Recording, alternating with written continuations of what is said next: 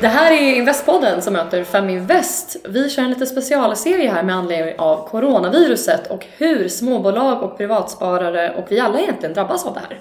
Så det är jag, Ronja från Investpodden och Mikaela Berglund från Feminvest-podden. Ja, så alla som lyssnar på Investpodden som ännu inte upptäckt Feminvest, nu har du upptäckt Feminvest. eh, och likaså tvärtom. Det är ju speciellt när man landar, kan man säga så att vi hittade varandra lite innan krisen. Eh, men har ju hittat varandra både geografiskt, vi bor inte jättelångt ifrån varandra.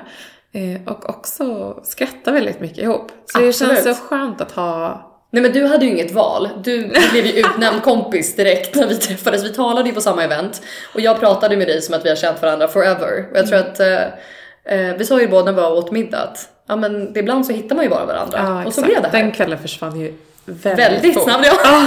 det var väldigt kul. Så i den här krisen då som nu har uppstått i världen. Eh, dels ur kris så kommer ju innovation och eh, vänskap och eh, relationer som man kanske inte visste eh, att man faktiskt hade. Det ser man ju. Jag läste bara idag på in om bolag som har ett lyckats eh, liksom ställa om sina tjänster, erbjudanden gentemot kunder för att kunna liksom finnas där i hemmet eller kunna leverera hem eller skapa liksom utrymme för en upplevelse i en mer privat miljö där man inte kan smitta någon annan. Absolut, det är ju många bolag nu som har behövt pivotera ganska snabbt och komma fram med nya, ny innovation. Så det här avsnittet, om inte det redan var tydligt på något sätt, är att vi kommer att prata just om småbolag. Med det här med permittering, varsel, vad innebär allt det här? Vad händer om man har ett AB eller om man är enskild firma? Hur drabbas man? Eh, hur ska man kunna få riskkapital? Och som investerare, ska man investera nu eller ska man hålla i pengarna? Men ja, Ur kris kommer all form av innovation. Hemnet till exempel kör nu digitala visningar. Även lägenhetsbyte kör digitala visningar för att man inte ska samla folk på ett och samma ställe. Det som är unikt för den här krisen är ju som vi har sagt i tidigare avsnitt också att sunda bolag drabbas. Annars så har det ju ofta att göra med någon form av sektor som krisar. Nu är det att restauranger som annars är välbesökta har nu tappat 80-90% av sin omsättning och behöver nu ansöka om konkurs. Men Anders Fisk såg jag här bland annat har ju tyvärr behövt ansöka om konkurs. Mm. Och dessutom, jag vet till exempel att eh, Tommy Myllymäki planerat jobbat länge för att lansera en ny restaurang på Djurgården. Lanseringsdatum var liksom för några dagar sedan. Tänkte att jobbat under liksom lång tid för att lansera, fullbokat sedan länge och sen så kommer det och ställer till det på det här sättet. Pontus Frithiofsson, samma sak. Han har ju restauranger på Arlanda och eh, Pontus Indier där. Och eh, alltså man kan känna igen konceptet Pontus-restaurangerna. Och det är ju inget folk på Arlanda nu. Mm. Och sen så, jag läste en artikel med honom, han har varit med i Investpodden förut när han har berättat om sin historia. Men just att de har ju många underleverantörer. Servetter, bordsdukar, de kommer ju någonstans ifrån och nu plötsligt så beställer ju inte de det heller så det betyder att underleverantören drabbas ju också. Det här är ju så många led. Mm. Och eh, som du sa, att den här typen av propp som går ur och där vattnet rinner ut väldigt snabbt ur ekonomin. Det innebär ju i det här fallet att sunda bolag drabbas som egentligen skulle klarat sig.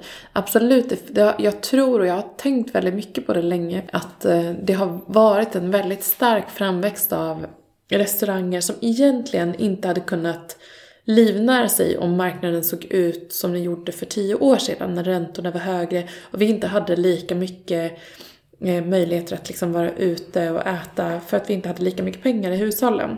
Och likaså med, med eh, digitala möjligheter att kunna leverera hem som har gjort att folk, ja men det är för, det är för tillgängligt så. Ja, en högkonjunktur leder ju till eh, lyxbeteende helt enkelt. Och det är ju mm. lyxbeteende att äta ut ofta. Exakt. Så vinnarna i det här, det är ju eh, handlarna, Systembolaget, mm. i och med att vi inte går ut och äter lika mycket. Vi lagar mer mat hemma. Förlorarna är verkligen restaurangbranschen och småbolag. Det svenska staten gör nu är att gå in och rädda upp, många känner säkert, säkert till att de går in och räddar upp SAS. Man räddar stora bolagen för att de, och då är det här också en frustration från många Eh, varför räddar man storbolagen? Och det är ju också för att storbolagen, det tar väldigt lång tid att bygga upp ett stort bolag och de genererar mycket jobb. Mm. Att... Men det är ju så att det finns ju liksom runt en miljon små bolag i Sverige. Och eh, de här eh, får ju eller har, en del av dem har ju en viss möjlighet ändå. Eh, men om man till exempel tittar på enskilda firmor så är det ju svårt alltså. Det är jättesvårt. Eh, man skulle säga att det är en miljon småföretag och egenföretagare. Och egenföretagare i det här fallet då det är att man är en ensam person. Eh, småföretagare räknar man mindre team. Ehm, och mindre team är också någonstans ifrån två och uppåt till man börjar bli ett mellanstort bolag på några hundra. Problematiken också här är ju att många utav de här, alltså det erbjudandet som finns idag är ju lån i Sverige. Och att som egenföretagare ta lån och sätta dig själv i, i privatskuld för att liksom kunna hålla ditt bolag levande, det är ju riskabelt. Ja, är man en enskild firma i det här läget så kan man ju inte ta lånet. Utan man måste ju vara ett AB för att kunna ta lånet. Eh, de här 500 miljonerna från... Eh, 500 miljonerna, alltså säger jag rätt nu? Ja det är det ju. Från. Riksbanken når inte dem. Eh, för att det är vissa krav som man måste uppnå för att kunna få lån. Eh, det hamnar också på ränta på ungefär 6,6%.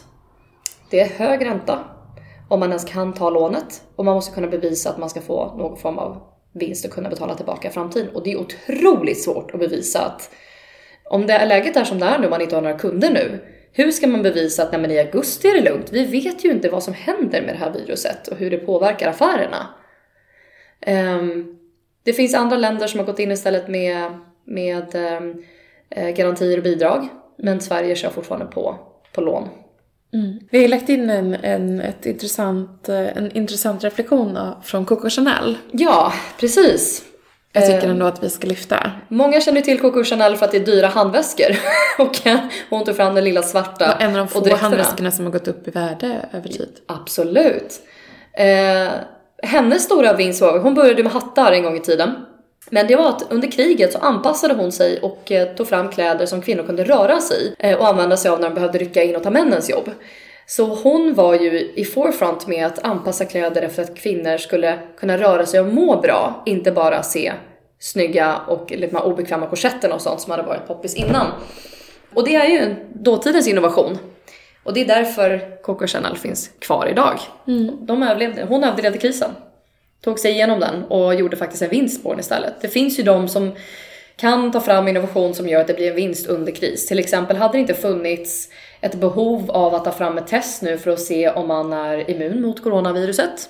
Att man haft det. Det blir en business nu till exempel. Det kommer komma många. Men det är bara ett, en av dem. Ja, om vi går igenom lite då.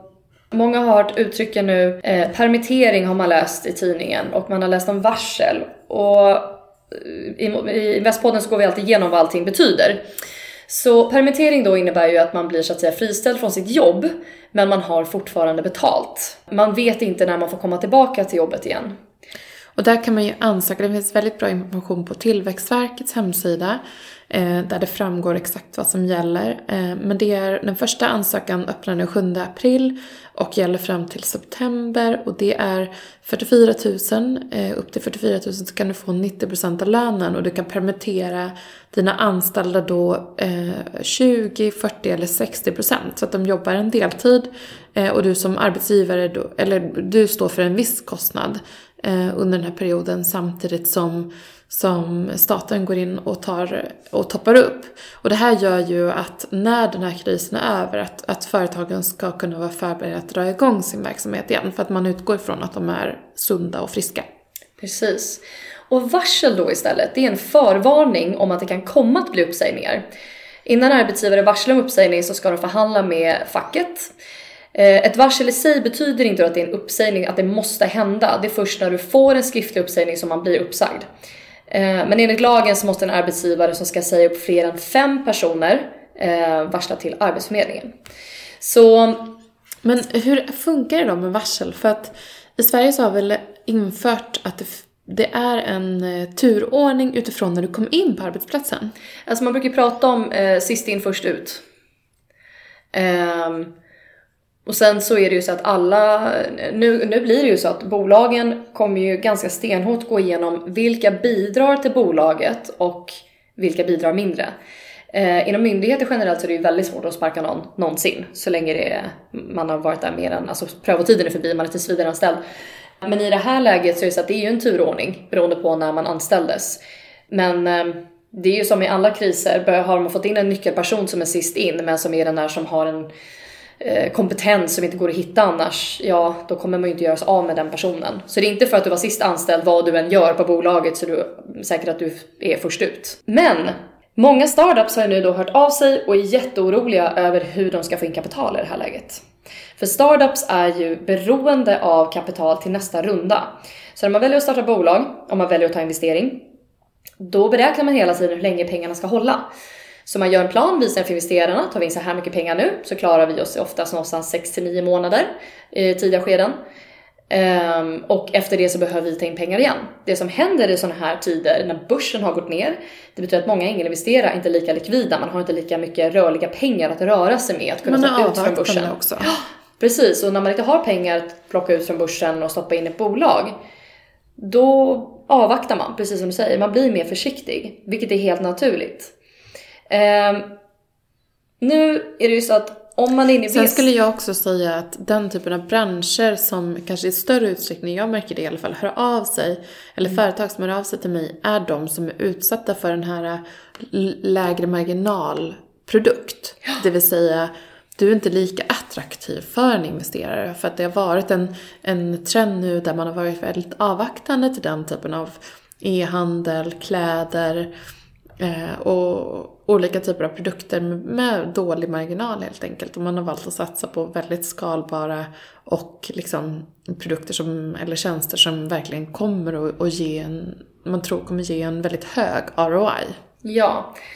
Och, och det gör att många, många eh, småbolag som kanske skulle kunna få investerare eller hade kunnat få investerare för ett eller två år sedan inte skulle få det i dagsläget tyvärr. Precis, så det som nu har hänt då, det är liksom tables have turned. Från att det har varit eh, vad jag har kallat för entreprenörens marknad, de kan välja sina investerare. För investerare då som sitter med pengar, vill hitta eh, investerartillfällen som gör att de kan tjäna pengar. Eh, har, eh, det har istället gjort att entreprenörer har kunnat vända sig runt till olika typer av investerare och nästan kunna välja sina investerare. Nu är det tvärtom. Nu är det färre investerare, många bolag som behöver pengar, vilket gör att det blir investerares marknad att välja sina bolag. Eh, om man är inne nu i VC-racet, det vill säga venture capital-bolagen, de har redan rest sina fonder, så där är ändå tryggt. Är man väl inne i den svängen, då, eh, då kommer man antagligen vara med i nästa runda så länge man är relevant, så länge man har kunnat pivotera om man har behövt göra det nu. Eh, ett tips är ju verkligen att använda deras expertis och stöd i det här läget om man behöver det. Och även då sina affärsänglar om man har sådana. Eh, det är det jag tycker att affärsänglar är lite till för. Det är ju att utöver kapital är ju att bidra med sin kunskap. och nätverk. Verkligen. Um, så vad är viktigt att göra nu då om man är startup? Det är ju lätt att bli lamslagen av panik och känna att nu är allting över. Men så behöver det inte vara. Jag skulle också säga att de sista åren, redan innan den här krisen, så har det skett en gradvis förändring mot att fler bolag, man ser det även på liksom de stora techbolagen som Spotify som till och med var vinstdrivande där en kort period, de är ju noterade, men det är ändå en trend av att bolag har pushats mot att visa på att man har en affär. Kanske ja. inte liksom vi går runt, men vi har en stor efterfrågan. Eh, och tillväxten har inte varit det enda som man har gått på. Tycker du? För att, mm. ja, intressant att du säger det, för att jag upplever faktiskt tvärtom. Att det har varit väldigt fokus på tillväxt. Eh, och... Ja, inte det sista. Jag tycker att det har svängt från tillväxt till kombination tillväxt och är du rätt person att liksom driva det här bolaget genom att så här, kan du visa att du tar in några affärer? Ja, det, det håller jag med om för. För att kanske senaste året, halvår tycker jag för sig bara. Att man har börjat flagga mer för ja, det. Ja, sista året typ. Ja. Eh, men inte alla har hunnit ta sig dit. Um, så det som är viktigt nu då är att, det är att fokusera på kunderna som man redan har i pipen verkligen få in affären. Eh, anpassa affären efter rådande kris. Och med det menar jag inte att om man har en produkt att rea ut den så hårt så att man inte får in några marginaler, man inte får in några pengar att röra sig med överhuvudtaget. Eh, men eh, krävs ett erbjudande, vad man nu man håller på med, det här kräver ju ändå att man jobbar mer och är mer tillmötesgående, finns tillgänglig för sina kunder. Eh, helt enkelt. Mm. Så foka på kunderna som ni har. Jag har också varit i dialog med flera bolag som eh, har varit i ett senare stadium. Att de kanske till och med har planerat en notering där de har sagt att Eh, nej men vi har, behövt gå, vi har behövt gå ner i vår värdering eh, i och med det rådande läget. Ett av mina bolag skulle eh, noteras i år. vi får se hur det blir. Ehm, för det är ju så att nu då när det blir en investerares marknad så kan ju också en investerare plötsligt pruta på priset. Tillgång och efterfrågan. Så det kan vara så att man behöver ta in kapital, om man behöver ta in kapital nu, till en lägre värdering. Och det är inte så mycket att göra någonting åt nu. För att då handlar det om att ta in pengar eller konkurs helt enkelt. Ehm, men det handlar istället om att vara kreativ med de pengarna man får in. Det som dock är viktigt att tänka på, och det här har affärsänglar och VC verkligen förståelse för, det är att man inte vill att entreprenörerna ska hamna under 50% ägande. För man vet att när entreprenörerna hamnar under den gränsen så brukar man tappa motivation och inte vara lika sugen på att driva bolaget vidare. Och har man tappat motivation, ja men då kan ju inte affärsänglarna eller VC göra pengar på affären heller. Så den är alltid okej att prata om om man ligger där nära. Att hur gör vi nu med värderingen? Och det här handlar ju också om att man har haft en plan från början så att man inte för lätt har hamnat där. Um, men var transparent med riskerna uh, med dina investerare. Uh, lova inte för mycket. Ofta så kommer jag in och presenterar för, uh, för investerare så visar man en jättefin hockeysticka Eh, Hockeysticka? Ja, men nu ska vi, nu ska vi bara jobba lite här. Hockeystick. Ja, men jag säger hockeysticka. jag gillar det. Nu, nu kommer vi bara jobba lite här och sen tjo så kommer det dra iväg och alla kommer älska vår produkt eller tjänst och så nu är vi alla superrika. Nu blir det ju väldigt sällan så. Och det här är ju faktiskt ett tillfälle att vara väldigt transparent och tydlig med att det här är våran plan, det är så här vi ska ta oss igenom den, vi har tagit höjd för det här och det här. Eh, och vi behöver ert stöd och hjälp i det här och det här. Alltså de finns ju också för er för att de finns ju redan med i affären. Eh, och det här är ju ett läge att gå till de investerare man redan har. Det gör man ju alltid när man ska göra en ny runda. Men i och med ett läge där som där så förstår de också att det kommer vara svårare att få in nya investerare. Att det är de som måste gå in och täcka upp igen. Så är det, så är det verkligen. Och sen så fortsätt att kommunicera, både med investerare eh, och med, eh, med marknaden och era kunder. Och det här är jätteviktigt. Så jag kommer komma in till lite lista här sen som är lite marknadsföringstips till småbolag. Men nu kan ni skippa era de här, hur hanterar vi corona-mailen liksom? För att nobody cares, höll jag på att säga. Men det är bra att veta vi att förstår. Kvar. Vi förstår. Det är mycket viktigare nu istället att fokusera på affären. Positiva nyheter. För att när det råder lite halvdepression som gör nu, inte att vi har gått in i en depression, men det är ingen som går runt och strålande grad riktigt just nu det är ju att berätta när saker går bra. Att mejla din investerare och säga hur läget till, det räcker med två, tre rader. Då vet man fortfarande ett livstecken. För de flesta ängelinvesterare har ju investerat i ett antal bolag. Så istället för att vi ringer ner er så är det bättre att ni hör av er. Um, kommunicera till kunder att ni kör business as usual om ni gör det. Hur ni finns tillgängliga, är det mail eller är det telefon? Hur når man er? Eh, och framförallt så dra inte ner på marknadsföringen. För det enda som folk gör nu, det är att sitta hemma och titta på sina skärmar. Och då drar man in marknadsföringspengar så syns ni inte. Och syns ni inte så finns ni inte i ett sånt här läge. För nu räknar man med att bolag kommer försvinna. Det finns ju väldigt billiga sätt att kunna marknadsföra sig. Men jag kommer in på det sen. Och sen den sista grejen är, det här är marknadsföring och branding. Alltså opportunister nu som säljer saker till överpris för till exempel materialen som behövs, om det är handskar till sjukvården eller vad det är. Man tappar respekt för dem. Det tappar ert varumärke, så det är ingen bra idé. Att säga såhär, gud vilken möjlighet vi har nu att liksom trissa upp våra priser i järnet, för nu är det ju tillgång och efterfrågan här så det sjunger om det så tjänar vi massa pengar på att folk dör i corona. Det ser sådär ut alltså. Så gör inte det, utan sälj era produkter, varor, vad ni nu har om de behövs i den här krisen. Men eh, att eh, höja priserna, det kommer synas och folk kommer ogilla er om ni gör det. Mm. Mm. Och eh, jag skulle säga så här, om du, om du har möjlighet att avvakta något, börja, passa på att ta den här tiden i akt att ta reda på vilken typ av affärsängel är rätt för mitt företag. Ta en dialog och säg så här, vet du med rådande läge så väljer jag att avvakta eller liksom, men jag kommer att, ta en dialog och då så fram tills dess så har jag en ambition om att komma hit med det här bolaget och vi kommer se efter det här, det här är hur vi hanterar, alltså relation, relation, relation. Absolut. För det är det som kommer leda till ett förtroende eh, till investerarna också. Så det är jätteviktigt Absolut. att eh, tänka på det. Ja. Eh, jag pratade med Alminvest igår och de har sett en stor ökning av att folk söker ehm, investering från Alminvest. Och eh, Almi har ju fått pengar här för att kunna stödja i lån. Vinnova har rekordansökningar nu vad gäller startup också, som stängde häromdagen. Ehm, så att det finns andra sätt också att söka pengar. Eh, och Almi Invest har jag haft mycket att göra med och de är i min mening fantastiskt duktiga. Vissa upplever det svårt att komma in genom dörren och det är också för att det ska vara lite svårt. De tar emot ansökningar och så man kan säga att nej men vi fick ingen investering och det är för att man kan inte räkna med att få en investering bara för att man startat ett bolag. Det måste vara investeringsbart för det är fortfarande affärer det handlar om.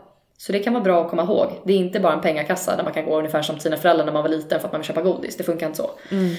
Men, och jag hörde också att eh, Almi Företagspartners VD sa det att eh, de investeringar som man gjorde runt liksom, 2008 mm, och den krisen, många av dem har varit framgångsrika och därför menar man att man, man har möjlighet att vara lite offensiv nu, speciellt nu i och med att man tror att många av de här bolagen är bra bolag. Absolut.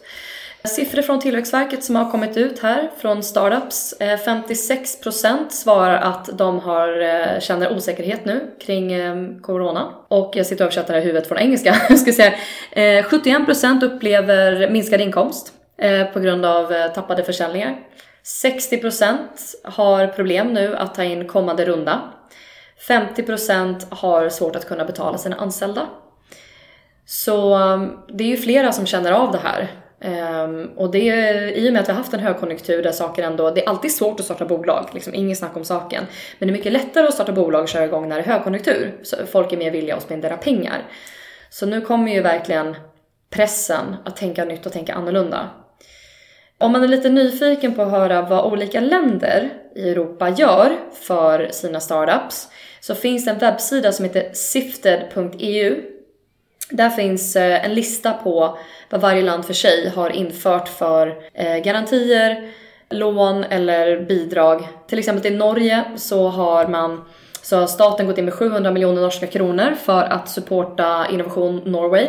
Och eh, där har de redan olika program för investeringar och sånt där men de har nu blivit boostade med mer pengar för att kunna hjälpa bolagen.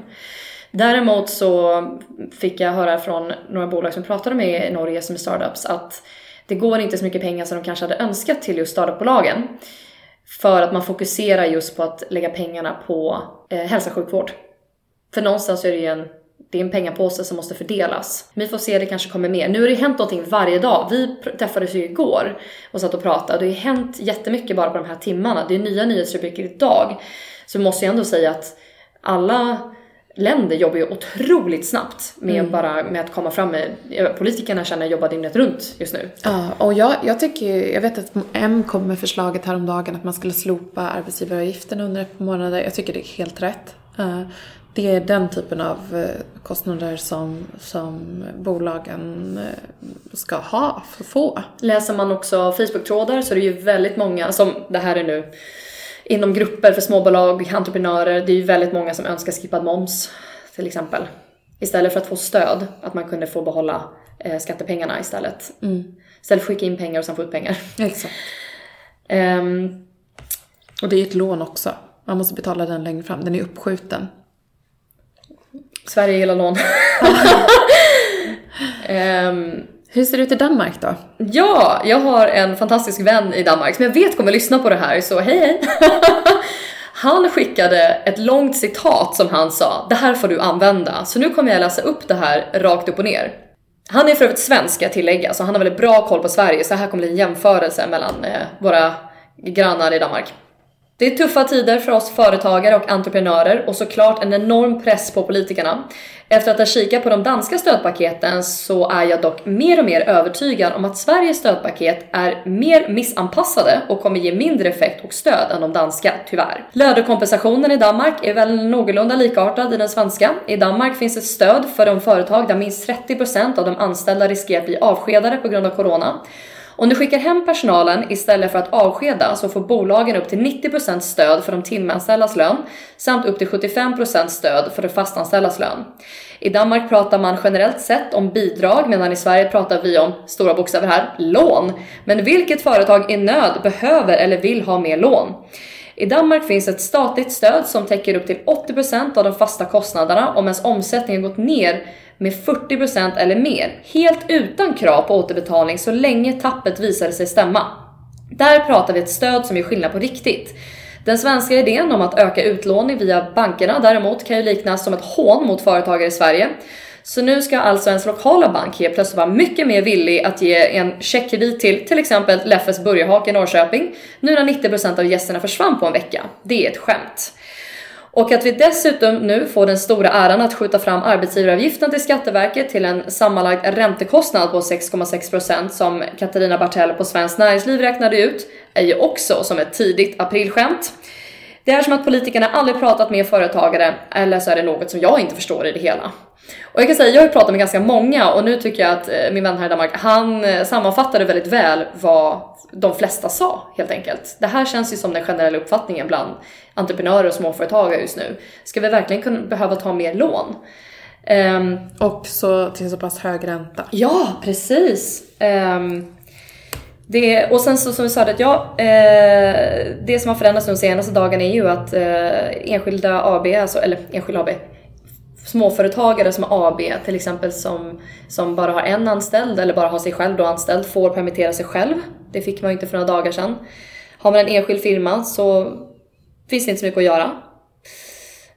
Um, men det finns ju också snygga initiativ som har hänt nu. Till exempel att uh, folk som är permitterade på SAS har nu i samband med Wallenbergstiftelsen och Sofiahemmet nu fått utbilda sig inom sjukvård.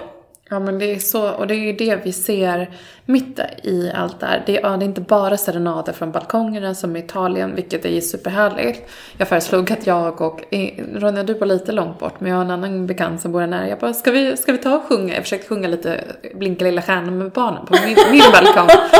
Eh, men det kommer ju även konkreta exempel på alltså innovation helt enkelt. Och det är ju bland annat det här eh, flyg, flygpersonal som nu ställer om och hjälper till i vården. Fantastiskt.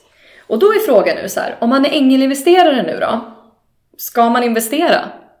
Det är både och. Jag skulle säga så här, eh, man har ju mindre pengar. Så att det gör att en del är avvaktande av investerarna. Mm. Men Eh, parallellt med att den, börsen är osäker, nu är den inte dyr på samma sätt som den var tidigare. Det var en av anledningarna till att många ängelinvesterade. Eh, men att det, det, man nu kan hitta bra investeringar och så är lyhörd till att liksom eh, nosa rätt på de här affärerna. Så, alltså, en rätt affär är investerare alltid intresserad av. Absolut. Är man en ängelinvesterare så är det ju nu din marknad som vi var inne på tidigare. Nu har ni plötsligt möjlighet att pressa värderingar, att eh, kunna ta större poster. Innan har det också varit så att ängelinvesterare behöver samsas om poster. Nu kan man ta större poster själv i och med att det finns färre. Det är också viktigt nu att om man har möjlighet, visa lojalitet med bolagen man faktiskt redan har investerat i och fortsätter backa dem. Det man ska komma ihåg är att startups är extremt anpassningsbara och kan vända väldigt snabbt. Beslutsprocessen är ungefär tre sekunder. Det går så fort för en startup att ta nya beslut och jobba åt ett annat håll. Det är också en himla skillnad mot att ha en aktie i ett storbolag där det är långa stora processer där det ska tas beslut. En sak som också är viktig att tänka på det är att, och det här gäller både startups och änglar när man pratar med varandra, det här gällde även innan, men jag träffar ibland bolag som säger vi måste få en investering nu, annars så finns inte vi om två månader. Det ger liksom änglar lite allergi nästan för att att gå in och, det är som hjärt och lungräddning. Okej, okay, för då är ju inte det här en plan utan det här är bara för överlevnad i två månader. Nu är ju det här ett speciellt läge så det handlar ju fortfarande om överlevnad, ja.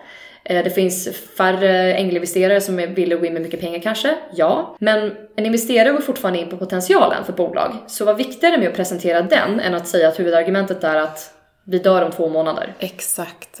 Och det, det är så viktigt att du säger det och jag vill bara trycka på det ytterligare att eh, investering är ingenting du gör för att, inte, alltså för att rädda din verksamhet att hålla den flytande under en period. Om inte du liksom har och kan visa en förändring inom ett eller två år åt vilket håll det går så kommer, så kommer det vara svårt att ta in ytterligare kapital. Ja, och är du ett väldigt tidigt skede, då måste ju förändringarna komma inom 3-6 månader redan. Mm. Det är tufft alltså. Men, ska vi prata lite marknadsföringsstrategi då, om man ja. är startup? Som jag sa innan, alla kollar på skärmen hemma nu, så nu vill du synas. Det finns ju väldigt billiga sätt att synas. Det finns ju jättebra appar idag, till exempel Canva, där man kan lätt sitta och pussla ihop lite material. Det kanske inte blir det snyggaste ni har gjort för ni kanske inte har en designer eller vad det så som ni externt har anlitat innan. Men det är bättre med någonting än ingenting. Det finns, eh, jag tyckte det här faktiskt var väldigt fint. Jag har fått en del mejl från mindre bolag och faktiskt ett bolag som jag inte kände till i England som tydligen är, eh, drivs av två systrar som heter Honor Gold. De gör klänningar. Första mejlet jag fick så fick jag ett uppvaknande om att jaha, det här var inget jättebusiness som jag trodde det var. Eh, det var två systrar som har startat och ritat klänningar och eh, som nu går på knäna för att folk har slutat köpa. Så de sa, vi stänger igen verksamheten för nu, men snälla fortsätt lägga order och sen så kommer vi tillbaka till det här datumet och då kommer vi bara skicka ut allting. Eh, men vi gör det för att hålla ner personalkostnader för att kunna överleva. Transparensen. Eh, ofta så känner bolag att man inte vill vara så transparent för att man är rädd att det ska såra bolaget. Men i det här läget så gör det bara att jag var mer taggad på att köpa en klänning än vad jag var innan. Jag hade inte ens tänkt på att köpa en klänning innan.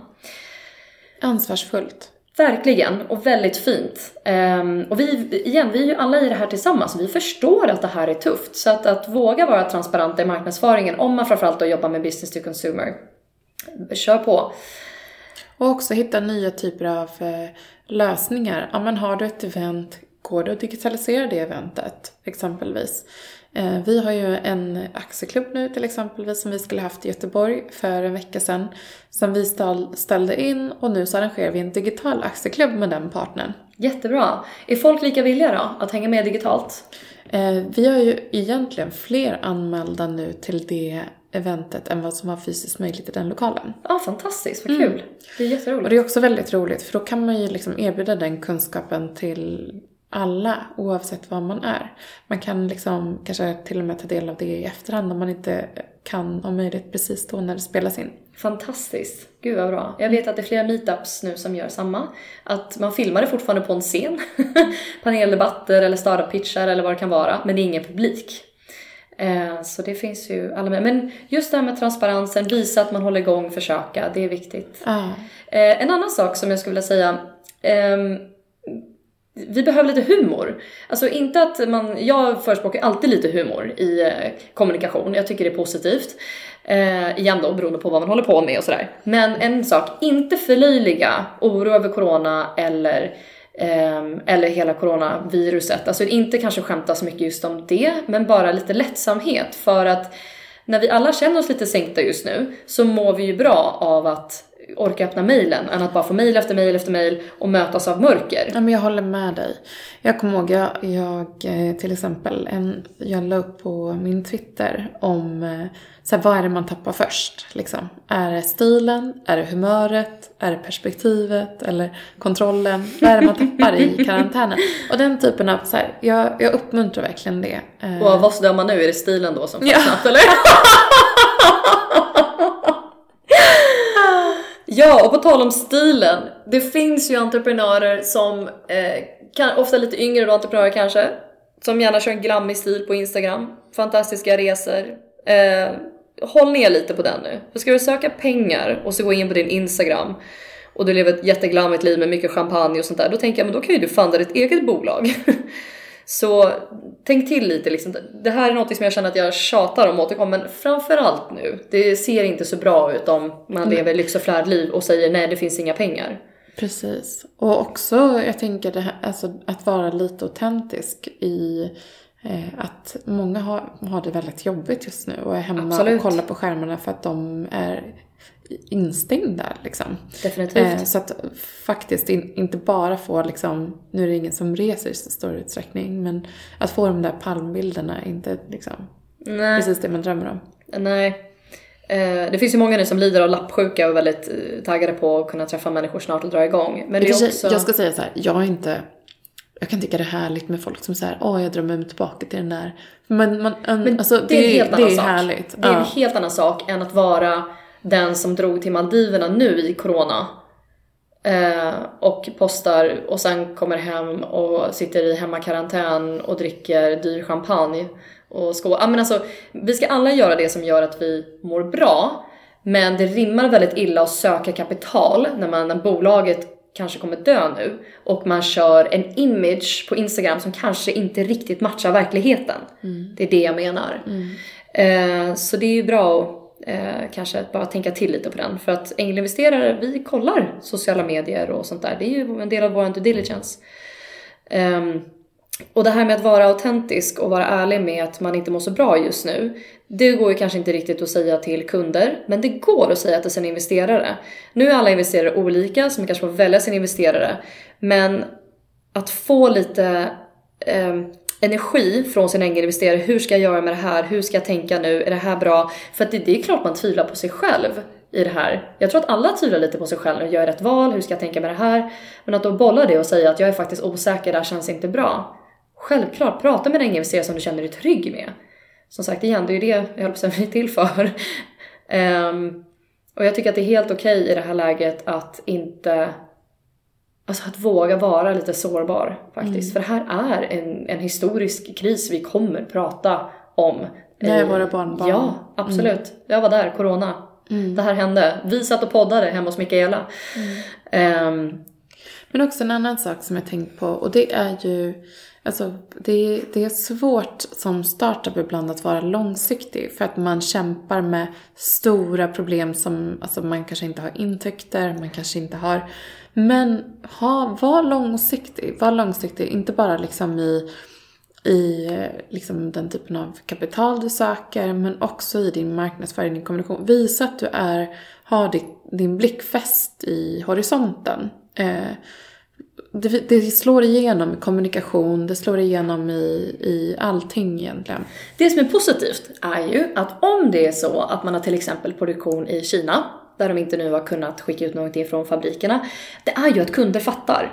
Att det här är ju ett läge där, där inte ni hade kunnat ringa och liksom gapa lite extra på fabriken och få ut sin produkt.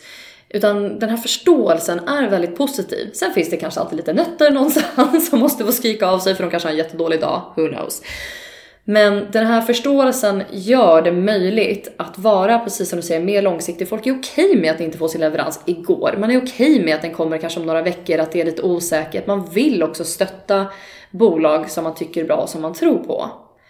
Eh, sen så finns det ju några fantastiska ljuspunkter som jag tycker att vi kan ta upp. Och det ena är ju, jag såg på Facebook i förrgår att det var en fastighetsägare, hyresvärd, som hade ändrat eh, hyran i april till halva priset. Eh, för att det åtminstone kanske kan hjälpa lite i den här krisen. Mm. Och eh, universiteten, Stockholms universitet, eh, kemisektionen där har framställt och levererat 1200 liter handsprit till sjukhusen. Mm. Så det händer saker. Och lite så som om du hyr lokaler för ditt företag så ta en dialog med fastighetsägaren absolut. redan nu. Ja, absolut. Att inte vänta tills det är för sent, nej. För att det är ju också det att om de ska fakturera eller typ ta ut hyra, det ligger ju alltid lite längre fram. Det är ju inte det du ska betala imorgon. Det är ju nästa månad man pratar om, eller månaden efter det. Exakt. Och sen också så vill jag eh, säga att så här, stäm av med andra eh, liksom startups eh, om hur de gör. Hur går de ner med sina värderingar? Eh, alltså ta en dialog och så. För att om det blir så att liksom, investerare får massa sänkta värderingar från, från många startupbolag Eh, Eh, men inte från dig så blir det också... Så stäm av och liksom hitta... Ja, men stäm av med varandra och hitta bra tips och tricks. På samma sätt som vi förut, vi som investerar, har märkt att bolagen pratar med varandra och höjer lite. Ja men de där borta har ju bara en MVP och de fick den här värderingen så vi som har kommit lite längre borde ha den här värderingen. Så pratar ni nu med varandra om, ni har den här värderingen, ja för den ligger där och vi har inte kommit lika långt eller vi har fått backa med produktion så vi kanske ligger här. Så att det stämmer överens med den världen vi lever i nu, för det är inte samma värld som för bara några veckor sedan. Mm. Så märkligt, men det är det. Det måste man acceptera. Så är det. Är det någonting annat som vi har missat? Nej, jag tror att vi har gått igenom ganska mycket. Eh, om du har ytterligare frågor så är det bara att höra av dig till både mig och Ronja såklart. Absolut, mig når ni på Instagram, Investpodden, eller ronja.investpodden.se. Och eh, mig når du via Feminvest på Instagram eller eh, via min mail Mikaela, M-I-C-H-A-E-L-A, at feminvest.se. Inte svårare än så. Tack så mycket för att ni har lyssnat. Ja, och eh, håll i nu. Vi är i det här tillsammans. Absolut, det är vi. Det här är inte mörkret, det här är början. På mörkret.